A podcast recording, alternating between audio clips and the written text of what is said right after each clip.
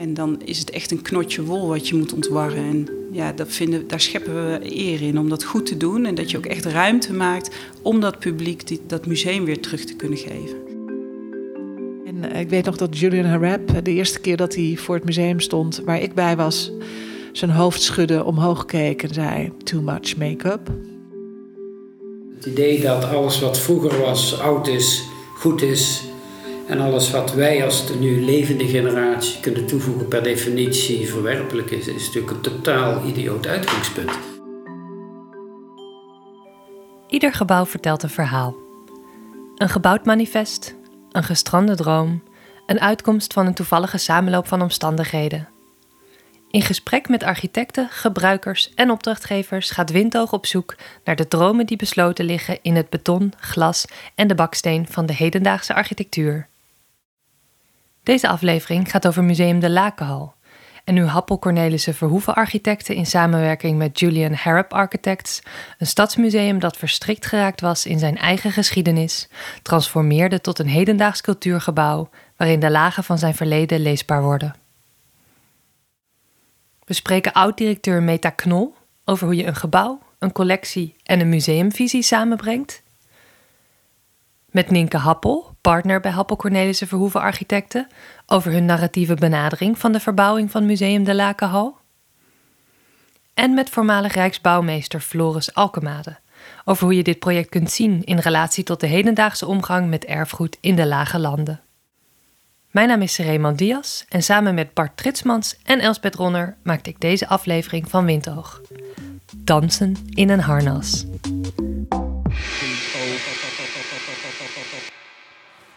Akoestiek is anders, maar de geur is in iedere ruimte is ook anders. Ja, en die geur heeft er altijd in gezeten. En toen ik hier voor het eerst presenteerde, dat was in de grote pers. Dat was toen nog hun publieksgebied, dat was dus hier.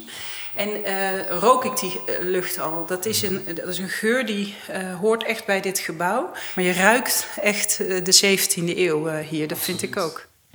We staan in Museum de Laakhal in Leiden. Nienke Happel, een van de architecten van de transformatie, geeft mederedacteur Bart Tritsmans en mij een rondleiding door het gebouw. We beginnen op de centrale binnenplaats van het nieuwe museum. Nou, we staan hier dus op die achterplaats en zoals je in die maquette ook goed kan zien, wij vonden dat een fundamentele plek in het hele ensemble, omdat het de enige plek is in het hele gebouwensemble waar uh, alle uh, gebouwdelen of tijdlagen elkaar kunnen ontmoeten. Museum de Lakenhal heeft een gelaagde geschiedenis die leesbaar is in het ensemble van gebouwen. Er is de oorspronkelijke 17e-eeuwse Lakenhal die haar naam gaf aan het museum. En vervolgens werd het gebouw in verschillende periodes uitgebreid. Aan het eind van de 19e eeuw, toen het gebouw museum werd, kreeg het onder andere een tuinzaal met natuurlijk daglicht. En in de jaren 20 van de vorige eeuw is daar toen door een schenking een heel groot museum bijgekomen. Dat is de Papenvleugel. Die heeft eigenlijk het museum meer dan verdubbeld. En daar moesten wij nog iets aan toevoegen. Ik zit hier met mederedacteur Bart Tritsmans. Hoi Bart. Hi Siri. We hoorden net Nienke Happel tijdens de rondleiding die ze ons gaf door het museum. En voor wie al wel eens beelden heeft gezien van het vernieuwde Museum de Lakenhal, denk misschien vooral aan hoe het er nu van buiten uitziet. Want een in het oog springende toevoeging is het gedeelte dat de nieuwe kantoren en twee nieuwe museumzalen huisvest. Een soort hoog volume in licht baksteen dat oprijst uit de historische stad eromheen. Maar in deze aflevering richten we ons eigenlijk meer op het interieur van het museum. En eigenlijk de, ja, de complexiteit van de opgaven die we daarin aantroffen. Waarom is dat eigenlijk, Bart? Ja, Seré, ik denk dat um, de complexiteit van het project voor een deel al terug te vinden is in de gevel die je net beschrijft. Want enerzijds heb je die nieuwbouwgevel, die heel duidelijk een hedendaagse toevoeging doet aan de stad. Maar anderzijds heb je ook de restauratie van de originele gevel van de Lakenhal, die eigenlijk een ander gezicht van het museum uitmaakt. En die complexiteit, die dualiteit, die verschillende tijdslagen, die maken ook dat dit project zo complex is geworden. Enerzijds zien we dat de puzzel van verschillende gebouwdelen uit verschillende periodes, dat die een beetje in de war geraakt was doorheen de voorbije jaren. We zien ook dat er bepaalde gebouwdelen een monumentenstatus hebben, andere dan weer niet. En er moest ook een nieuwbouw gerealiseerd worden om de nieuwe functies van het museum te huisvesten. Het project is dus tegelijkertijd een restauratie, een renovatie, een nieuwbouw, deels een reconstructie zelfs. En die combinatie heeft het wel tot een erg complex verhaal gemaakt. Dat klinkt inderdaad als een hele ingewikkelde puzzel om te leggen. En we zien dat het ontwerpteam hier een heel duidelijke eigen koers gevaren is, die eigenlijk ook een soort andere omgang met erfgoed voorstelt dan we lange tijd gewend zijn geweest. Ja, klopt, daar ben ik het helemaal mee eens. De benadering is, is heel erg interessant. De keuzes voor het al dan niet behouden, verwijderen, herstellen van bepaalde elementen is nooit eenvoudig. En lange tijd heeft het Charter van Venetië daar wel een houvast geboden aan ontwerpers. En wat is dat, het Charter van Venetië? Heel kort gezegd is het Charter van Venetië uit 1964 een, een gedeelde filosofie die een richting geeft aan de omgang met de restauratie, conservatie van erfgoed.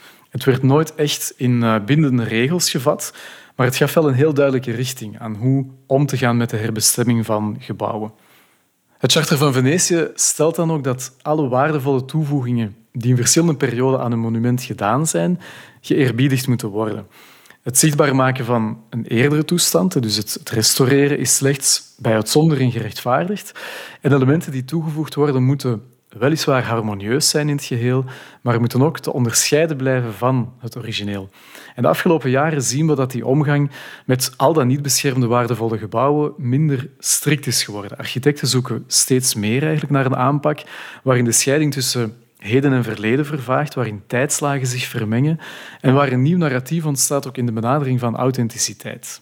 Ja, en daar is de Lakenhal een duidelijk voorbeeld van. Uh, om maar iets te noemen, we zien bijvoorbeeld dat er historische ramen nagemaakt worden en ingevoegd op plaatsen waar ze niet gezeten hebben. En dat zou vroeger ondenkbaar geweest zijn eigenlijk. Maar het gebrek aan dit soort duidelijke regels maakt natuurlijk ook dat dit soort vernieuwingsprojecten ja, een stuk complexer, maar ook interessanter worden. Want wat is eigenlijk het alternatief als je niet meer uitgaat van zo'n helder contrast tussen oud en nieuw? En hoe neem je dan beslissingen? Terwijl er ook bij dit soort projecten zoveel verschillende mensen aan tafel zitten. Waar baseer je je keuzes op? Ja, en hoe heeft dit alles in het geval van de Lakenhal uitgepakt? Dat gaan we in deze aflevering horen. En daarvoor beginnen we bij het begin. Hoofdstuk 1. Het gebouw, de collectie, het museum en hoe deze samenkwamen onder leiding van een nieuwe directeur. Museum de Lakenhal is het Stadsmuseum van Leiden, in 1874 opgericht op initiatief van inwoners van eh, Leiden. En in het begin zei ik wel vaker, we zijn een soort brutaal zusje van het Rijksmuseum. We hebben ook kunst en ook kunstnijverheid en ook geschiedenis. Maar we zijn niet gericht op de, eh, zeg maar de landelijke nationale geschiedenis, maar op de Leidse. Dit is Meta Knol. Van 2009 tot 2021 was zij directeur van Museum de Lakenhal. Ik trof van het museum aan wat in 1921 voor het laatst was uitgebreid. Wat in afwachting van een eeuwigdurende belofte dat er op een dag een nieuwe uitbreiding zou komen, kampte met jarenlang, decennia lang achterstallig onderhoud. Maar voordat er gedacht kon worden aan de verbouwing van het museum, moesten er nog enkele andere knopen ontward worden. En toen dacht ik, ja, je kan de patiënt wel een nieuw bed geven, maar dan is het nog steeds een patiënt. Want niet alleen het gebouw kampte met achterstallig onderhoud, ook de collectie had dringend extra zorg nodig. Dus laten we maar even beginnen bij de basis. Die moest eerst op orde. Dat betekent dat we het hele collectiemanagement op orde moesten brengen. We moesten het museum weer qua visie op koers brengen. Van hè, waartoe bestaan wij op aarde en waar willen we naartoe? Waarom is dat belangrijk? Hoewel de transformatie van het gebouw geen prioriteit had, leidde het op orde brengen van de collectie tot een inzicht dat cruciaal bleek voor de latere omgang met het gebouw. Toen we de collectie in kaart aan het brengen waren, merkten we dat er heel veel onderdelen van de collectie aan het zweven waren. Uh, zogenaamde objecten zonder nummer. Of dat we heel veel objecten vonden die eigenlijk gewoon hoorden bij het gebouw. De zogenaamde aard- en nagevaste collectie. Deze objecten riepen de vraag op of ze onderdeel uitmaakten van het gebouw of onderdeel waren van de collectie. En toen hebben we bedacht dat we het gebouw, ons grootste collectiestuk, ook een registratienummer zouden geven. En we hebben gekozen voor registratienummer 0. Want dat was nog vrij en daar is alles mee begonnen. De beslissing om het museumgebouw registratienummer 0 te geven, heeft het denken over de transformatie in grote mate beïnvloed. Dus alle voorwerpen uit onze verzameling, zeg maar al het roerende erfgoed in onze verzameling dat oorspronkelijk hoort bij het gebouw, hebben we toegevoegd aan dat collectienummer. En dat zegt wel iets over zeg maar, de manier van denken. Hè? Het in kaart brengen van de collectie bleek dus vanaf het begin verbonden met het gebouw, dat zowel drager als onderdeel van die collectie werd. Toen konden de bakens verzet worden naar het gebouw zelf. Welke ambities kwamen voort uit de visie van het museum? Ik merkte dat daarin zeg maar, de aandacht verschoof. Dus eerst lag hij bij de collectie, bij dat DNA. Toen we dat eenmaal wisten, konden we heel goed ook een visie formuleren op wat het museum zou moeten worden. Uh, hoe het eruit zou moeten zien, hoe de plek van de collectie dan zou zijn, wat voor type ruimtes we daar nodig hadden. En naarmate dat echt vorm kreeg, merkte ik dat de aandacht verschoof naar het publiek. Hoe kunnen we weer een publiek instituut worden?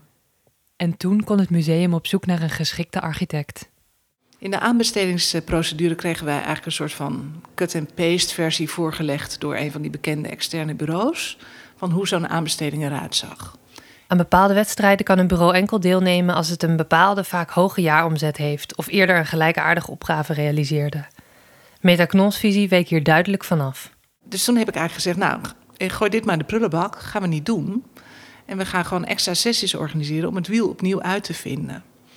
Het leuke daarvan is, ik, bedoel, ik wist dat ook niet. Ik had nog nooit een museum verbouwd of zo'n aanbesteding gedaan. Het is gewoon een gut feeling dat je denkt, ja, dit is niet oké, dit wil ik niet. Uh, dus dan hebben we het helemaal opnieuw vormgegeven, waarbij we de meeste punten konden toekennen op het onderdeel visie. En waarbij we de uh, eisen zo hebben bijgesteld dat ook jonge bureaus zonder al te veel ervaring zouden kunnen inschrijven. Happel Cornelissen Verhoeven was zo'n jong bureau. Nienke Happel herinnert zich het moment dat ze de aanbesteding onder ogen kreeg nog goed. Het was december 2012. Het was diep, diep crisis. Uh, het was heel moeilijk uh, om uh, als architectenbureau in Nederland werk te vinden, maar zeker als jong bureau, wat wij toen natuurlijk nog waren. En ik las een aanbesteding waarin stond: Museum de Laakhal in Leiden zoekt architect voor restauratie en uitbreiding. En ik dacht van daar ga ik nooit tussenkomen, dat lukt ons niet. Maar tussen de regels door las Happel dat ook jonge bureaus een kans maakten. En zo geschiedde. In de keuze voor het bureau waren de specifieke kwaliteiten van Happel Cornelissen Verhoeven doorslaggevend. Nou, wat ik heel belangrijk vond is de verbinding met het museum zelf, met de visie van het museum en zeg maar met, met een soort eerlijke materialiteit. En ik geloof ook dat je dat echt terugziet in het resultaat. Maar dat zat natuurlijk al in dat gebouw en in de collectie. Dus je moet toch een beetje liefde hebben, zeg maar, voor detail, voor die voorwerpen. Hoe deze aandacht voor de materialen en het oog voor detail in het nieuwe gebouw gestalte kreeg, horen we zo meteen van Nienke Happel.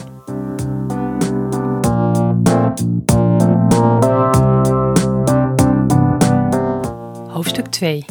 Het ontwerp. Dit is eigenlijk het. Uh dus hier zie je een maquette in gips. Die hebben wij geschonken aan het museum bij de opening.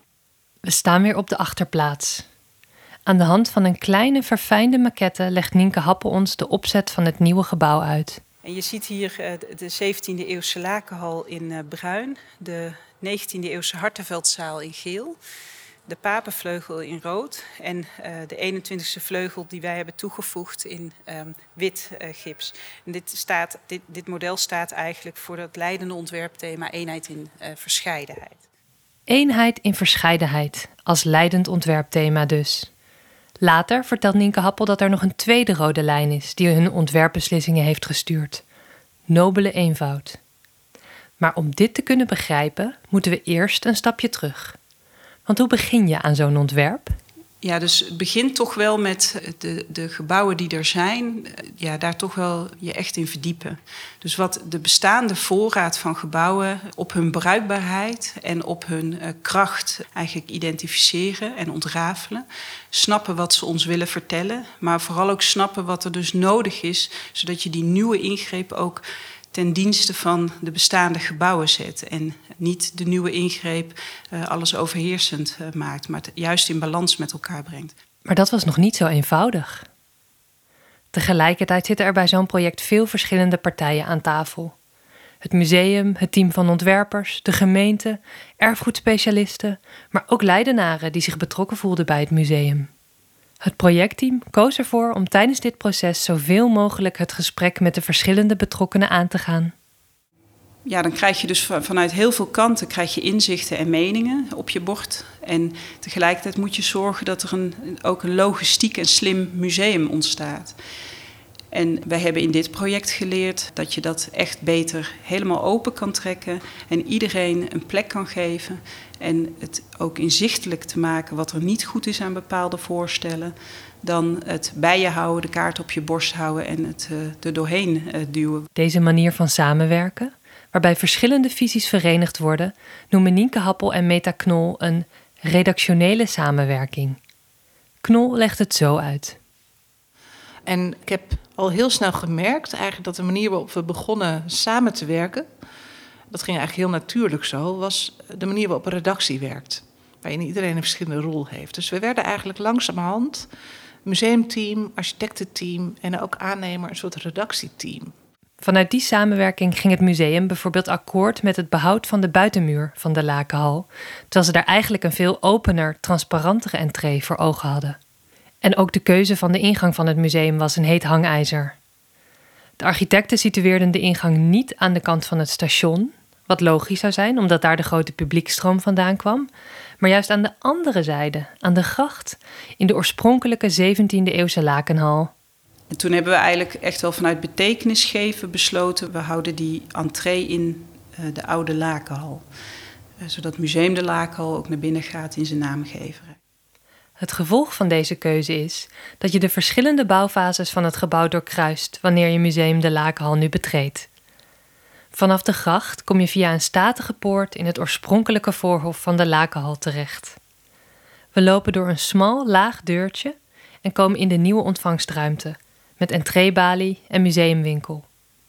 De aandacht wordt meteen getrokken door de hoge lichte ruimte daarachter. Dit is het hart van het museum, de achterplaats van de 17e-eeuwse lakenhal, die omgevormd is tot een centrale, overdekte binnenplaats. Maar het was niet altijd evident dat deze ruimte zo'n centrale plek voor het museum zou worden. Maar van oorsprong was dit een, een, een, buitenplaats. Net als het voorhof had je ook een achterplaats. En hier wachten de wollers en de vollers en de wevers die, die, en de noppers... die wachten hier op goedkeuring van hun uh, stoffen. Dus dit was ook altijd eigenlijk een ontmoetingsplek van de gewone man, zou je kunnen, kunnen zeggen. Voortbouwend op dit idee hoopten de ontwerpers hier opnieuw... de centrale ontmoetingsplek binnen het museum van te maken... als vervolmaking van het ideaal van het museum als publiek domein. Maar dat ging niet zonder slag of stoot. In het museum, zoals Happel Cornelissen Verhoeven het aantroffen, was deze ruimte opgedeeld in meerdere kleinere ruimtes. Het grootste obstakel was een grote, monumentale trap. De meest fundamentele ingreep was het verplaatsen van een grote eh, trap, de Joristrap. En die trap, als die zou blijven staan, dan was er binnen het krap bemeten stedelijke kavel helemaal geen plek voor een grote nieuwe maat voor museaal ontvangst. En wij dachten, als we die trap kunnen verplaatsen, dan kunnen we daar een hele fijne nieuwe ontmoetingsruimte maken. Waar al die gebouwen uit verschillende tijden ook hun adres kunnen hebben. Waardoor het niet alleen een fijne grote ruimtelijke maat heeft, maar ook een plek is eh, waar iedereen zich kan oriënteren en snapt waar die is. Maar er was een probleem. Die trap had vooral monumentale status, niet per se omwille van zijn materiële voorkomen, maar vooral omdat het een trap is die in de laakhal werd gevoegd, zodat het museum de laakhal kon worden. Dus die trap markeerde eigenlijk het tijdperk dat het museum museum werd. Uiteindelijk konden de architecten alle betrokkenen overtuigen van de kwaliteit die het verplaatsen van de trap op zou leveren. De realiteit bevestigt hun gelijk. De ruimte is volledig vrijgemaakt en voorzien van een glazen dak. Het is een grote, lichte ruimte geworden, die tegelijkertijd niet monumentaal aanvoelt, maar juist een prettige menselijke maat heeft. Tegenover de U-vormige achterplaats met zijn originele bakstenen muren heeft Happel Cornelissen Verhoeven een nieuwe bakstenen wand geplaatst, die als vierde wand de ruimte beëindigt. Binnen de taal van baksteen wordt de ontwikkeling van het museum zo leesbaar gemaakt. Vanuit de achterplaats lopen we verder naar een nieuwe trap die de architecten toevoegden. Uit het verhaal van Nienke Happel spreekt duidelijk het plezier die de ontwerpers aan het ontwerpen hiervan hebben beleefd. Ook de precisie valt op. In de beschrijving van de nieuwe toevoegingen, maar ook in hoe Happel spreekt over het bestaande gebouw. Historische namen voor lang vergeten bouwelementen vliegen ons soms om de oren. En als je dan naar de trap kijkt, dan zie je eigenlijk dat we die, die boogarchitectuur ook hebben gebruikt in de eerste tree. En met eigenlijk een stemvorkmotief hebben we een messinghekje erop gezet. Wat heel leuk is, is dit is een cantilevertrap. Dus dit is een trap die ziet er ongelooflijk simpel, dus eenvoudig uh, uit, maar is heel nobel.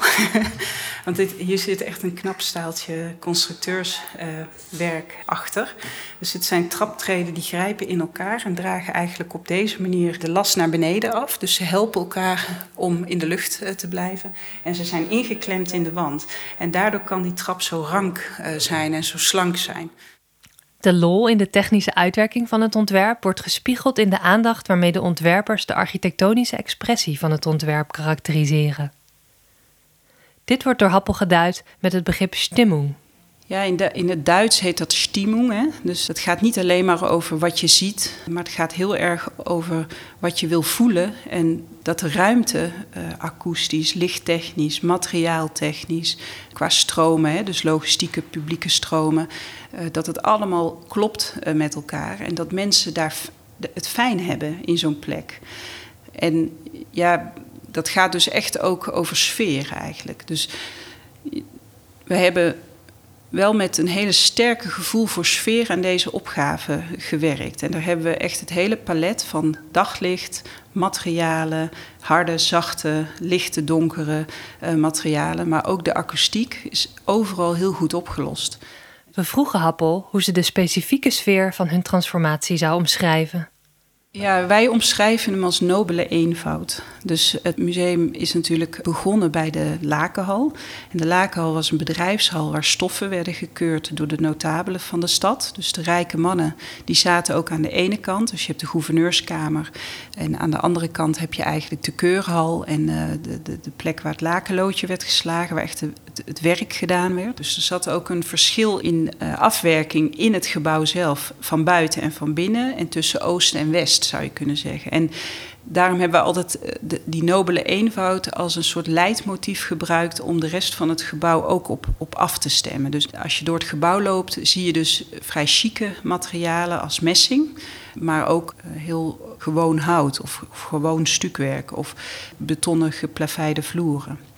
En dan zit vervolgens ook een soort no nobelheid zit ook in de aandacht voor detail en hoe dingen bij elkaar zijn gebracht. Ook in het ontwerp van de nieuwe museumzalen is dat idee van nobele eenvoud toegepast. Nienke Happel neemt ons mee. We staan nu in de kleine zaal. En wat je uh, ziet is dat het een zaal is met een vrije overspanning. Ja, en die, en die vloer die is heel subtiel geleed met die messingrandjes. Dus ook hier weer zie je eigenlijk een soort hele eenvoudige pure afwerking van ja, gezandstraalde betonnen dakelementen en een terrazzo betonnen vloer met, met, met riviergrind. Dus kleur is heel eenvoudig ontstaan uit natuurlijke tinten. En het wordt heel subtiel afgewisseld met zo'n nobel streepje uh, van messing. En dat zie je ook in de traphekjes uh, in, uh, in de achterplaats bijvoorbeeld of bij de trap naar boven terugkomen. Door het principe van nobele eenvoud als leidraad te gebruiken, worden het nieuwe en het bestaande zo subtiel samengebracht. Naast nobele eenvoud liep er nog een tweede rode draad door het ontwerp: eenheid in verscheidenheid. Om dat uit te leggen neemt Nienke Happel ons mee naar het oudste deel van het gebouw. Want wat we nog niet weten, is hoe de architecten nou eigenlijk met de als monument geclasseerde delen van het ensemble omgegaan zijn. Hebben we eigenlijk heel erg ons best gedaan om die 17e eeuw weer tot leven te brengen. Om dat verhaal over dat Leids um, laken ook echt te vertellen in het gebouw waar het plaatsvond. Maar hoe doe je dat? De 17e eeuw tot leven brengen in de 21ste? En wij zeggen altijd van in zo'n monument is eigenlijk het meeste werk gaat zitten in alles wat je niet meer ziet en ook absoluut niet wil zien. Want dit is een gebouw wat gebouwd is lang voordat uh, elektriciteit werd uitgevonden. Dus um, als je dicht naar die sfeer wil kruipen, moet je dat ook echt, moet je techniek eigenlijk ook echt op de achtergrond houden. Dat is hier goed gelukt.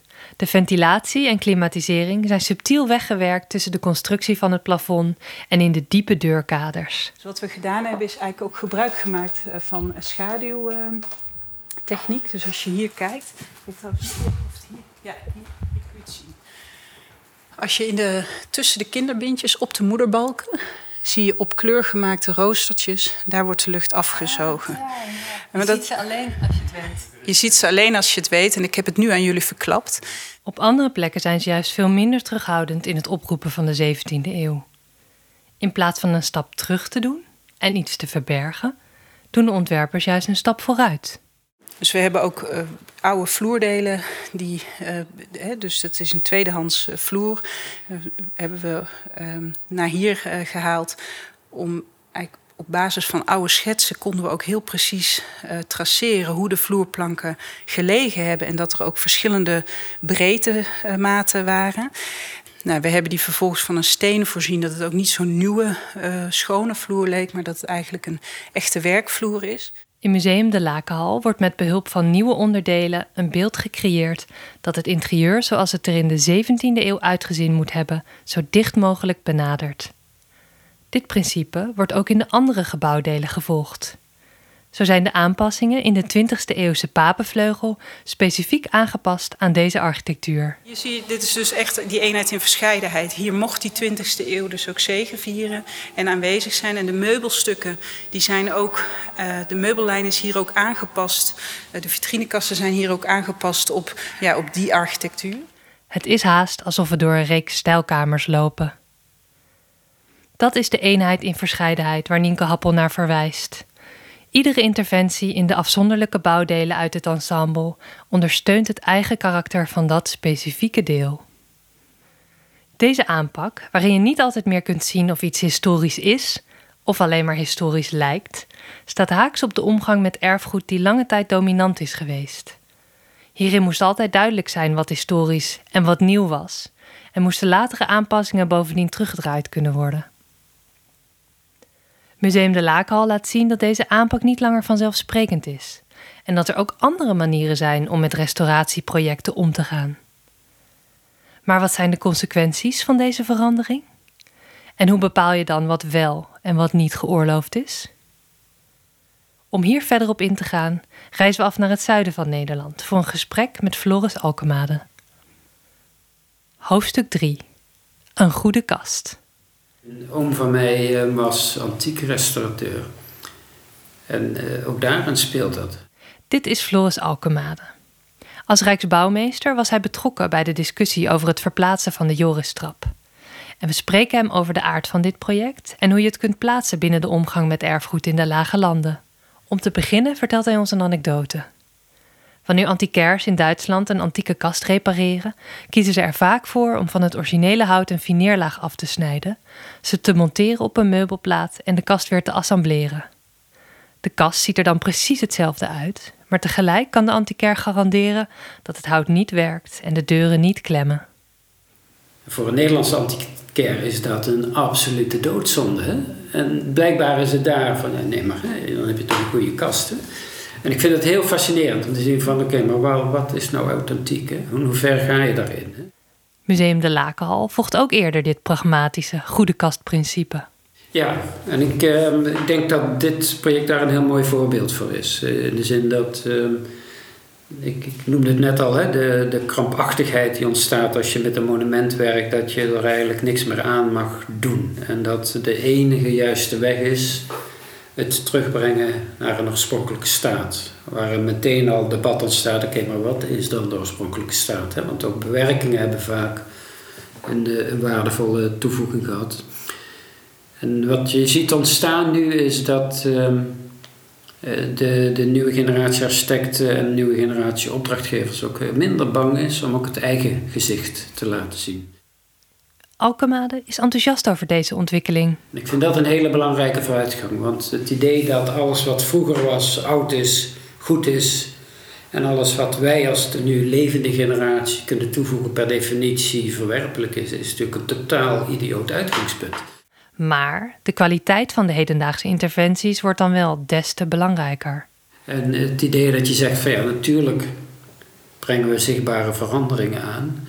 Maar we doen het met dezelfde verfijning en met dezelfde ambachtelijkheid. En dat is denk ik waar monumentale gebouwen en de bewerking over zouden moeten gaan. Niet je eigen generatie, je eigen bewerking onzichtbaar maken, maar zorgen dat je op hetzelfde niveau werkt als de generaties voor je. Dat wat je daar in zo'n gebouw waardeert. En, uh, en dat is eigenlijk veel, vele malen interessanter.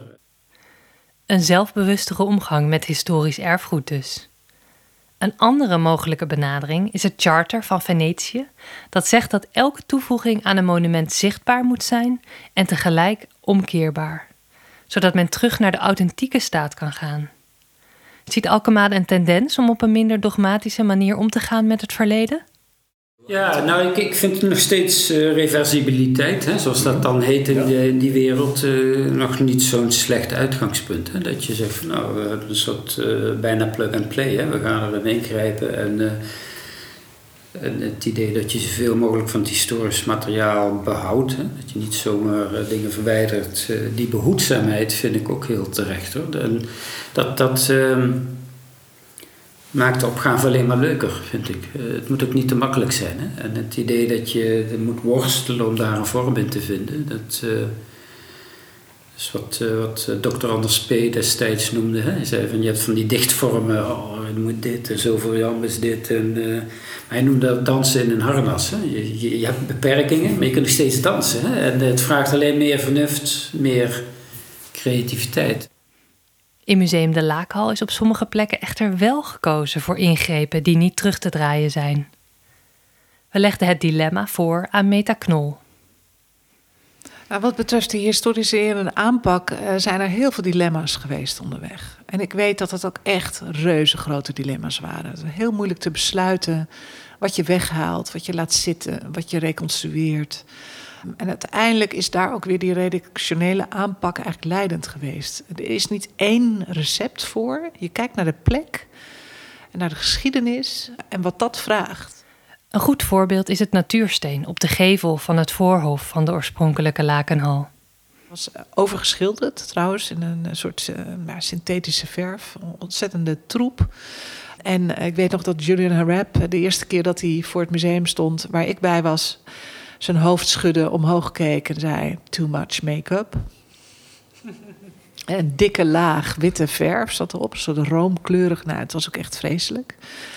En wij hebben ons wel gebaseerd op een oud schilderij uit 1642 van Susanna van Steenwijk, vrouwelijke architectuurschilder, die het gebouw gewoon had geschilderd. Dus we, hadden, we meenden daarmee gewoon een betrouwbare referentie te hebben besloten werd om het natuursteen af te schminken en op basis van deze historische bron met een ander soort verf te behandelen. En dan maak je uiteindelijk het besluit om toch een irreversibele toepassing te doen, namelijk de, de, zeg maar de, de, de color wash. Uiteindelijk door een uh, Engelse schilder aangebracht, begeleid door Julian Arap. En ik vind het resultaat heel mooi. Niet voor de eerste keer benadrukt Meta Knol het belang van wat zij de redactionele aanpak noemt. Ons valt op dat de analogie met taal sowieso als een rode draad door het project loopt. Want naast het benaderen van de transformatie als een collectief redactioneel proces, wordt heel sterk uitgegaan van het idee dat bezoekers het gebouw zouden moeten kunnen lezen, zoals je een boek kunt lezen, en dat je je daardoor als museumbezoeker kunt oriënteren in de verschillende tijden waarin het museumensemble gebouwd is. Wij zijn als museummensen tijdreizigers van nature. Dus het was voor mij heel logisch om te denken ook in tijdlagen. En uh, dat vond ik ook heel mooi, dat je het gebouw als het ware kunt lezen. Zoals je een boek kunt lezen. Het enige verschil is, zeg ik altijd, dat als je in een museum komt, mag je zelf weten op welke bladzijde van het boek je gaat beginnen. Hoi Bart, daar zitten we weer. Aan het begin van deze aflevering hadden we het over het Charter van Venetië. En hoe, uh, wanneer er geen dogma's meer zijn om je houvast te geven, uh, je iedere keer opnieuw de voor's en tegens van bepaalde ingrepen moet wegen. En uh, we zien dat de precisie waarmee dit in de architectuur van de Laakal is gebeurd, wordt weerspiegeld in de precisie waarmee de betrokkenen zich in de taal uitdrukken over het project. Voor hun eigen ingrepen bijvoorbeeld. Nobele eenvoud, eenheid in verscheidenheid. Ja, en ook in de manier waarop Nienke Happel spreekt over de bestaande architectuur. Voor elk element lijkt zij vanzelfsprekend de juiste benaming uh, te vinden. Gepijpt hout, cannelures, kinderbindjes, moederbalken, Benthuizer zandsteen. En in die nuance van de taal en ook in die historische woordenschat zien we ook de vertaling naar die precisie in de architectuur. Ja, en de plezier waarmee dit is uitgewerkt, is, uh, of waar dit project is uitgewerkt, is heel opvallend. Uh, en ook wel karakteristiek voor de aanpak van Appel Cornelissen Verhoeven en Julian Harrop. Uh, en dat maakt het voor mij ook tot een heel optimistisch project. Ja, wat ik ook heel interessant vind aan die detaillering, is hoe ze bijvoorbeeld hedendaagse technieken verwerken uh, indeurstijlen op kinderbintjes. En hoe Happel Cornelissen Verhoeven op die manier inspeelt op een verwevenheid tussen geschiedenis en nieuwe toevoegingen. En in sommige ruimtes denk ik dat het voor de bezoeker bijna onmogelijk is om nieuwe toevoegingen te onderscheiden van originele details. Ja, en ik moet zeggen dat op een bepaalde manier maakt het dat ook wel heel erg netjes allemaal. Hoe perfect de verschillende gebouwdelen hun tijd representeren. En uh, hoe naadloos of hoe soort van frictieloos bijna de, de architectuur daardoor geworden is. Ja, ja, in Museum de Lakenhal wordt niet zozeer de nadruk gelegd op, op die historische gelaagdheid, of toch niet de complexiteit van die historische gelaagdheid.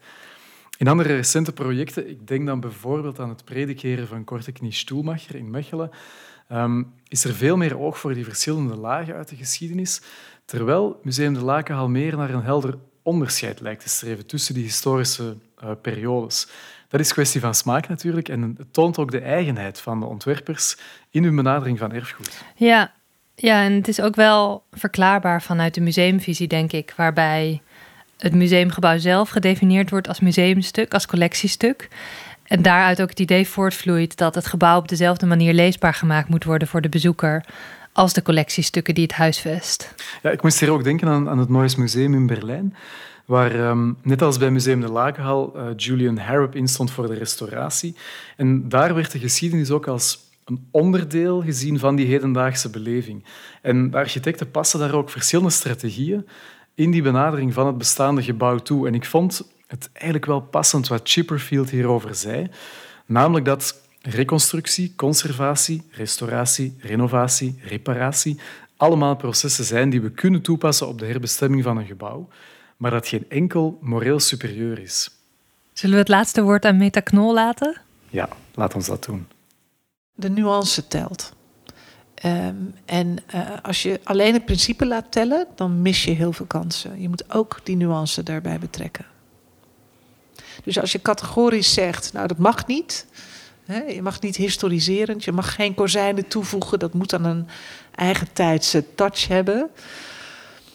Ja, kijk naar de kwaliteit, kijk naar de inhoud, kijk naar de nuance en, en baseer daar je oordeel op, zou ik zeggen. Dit was Windoog. Veel dank aan Nienke Happel, Meta Knol en Floris Alkemade.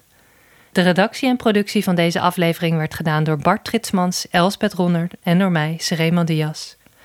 Verder bestaat de redactie uit Stef Bogaerts en Saskia Naafs. Mixage werd gedaan door Marius Kooi, de muziek is van Waldorf, het grafisch ontwerp van Team Thursday en de website werd gemaakt door Jurgen Belien. Windhoog wordt mede mogelijk gemaakt door het Stimuleringsfonds Creatieve Industrie.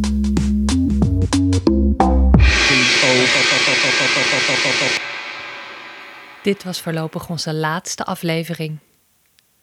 Wel heb ik nog een extra podcasttip voor jullie, namelijk de podcast Wie wat bewaart. Deze podcast volgt objecten van de Rijksdienst voor Cultureel Erfgoed, van hun vindplaats tot het depot of de tentoonstellingsruimte. In de aflevering Eisenluffel volgen ze een bijzondere lamp die met de verbouwing van het Binnenhof een nieuwe bestemming kreeg.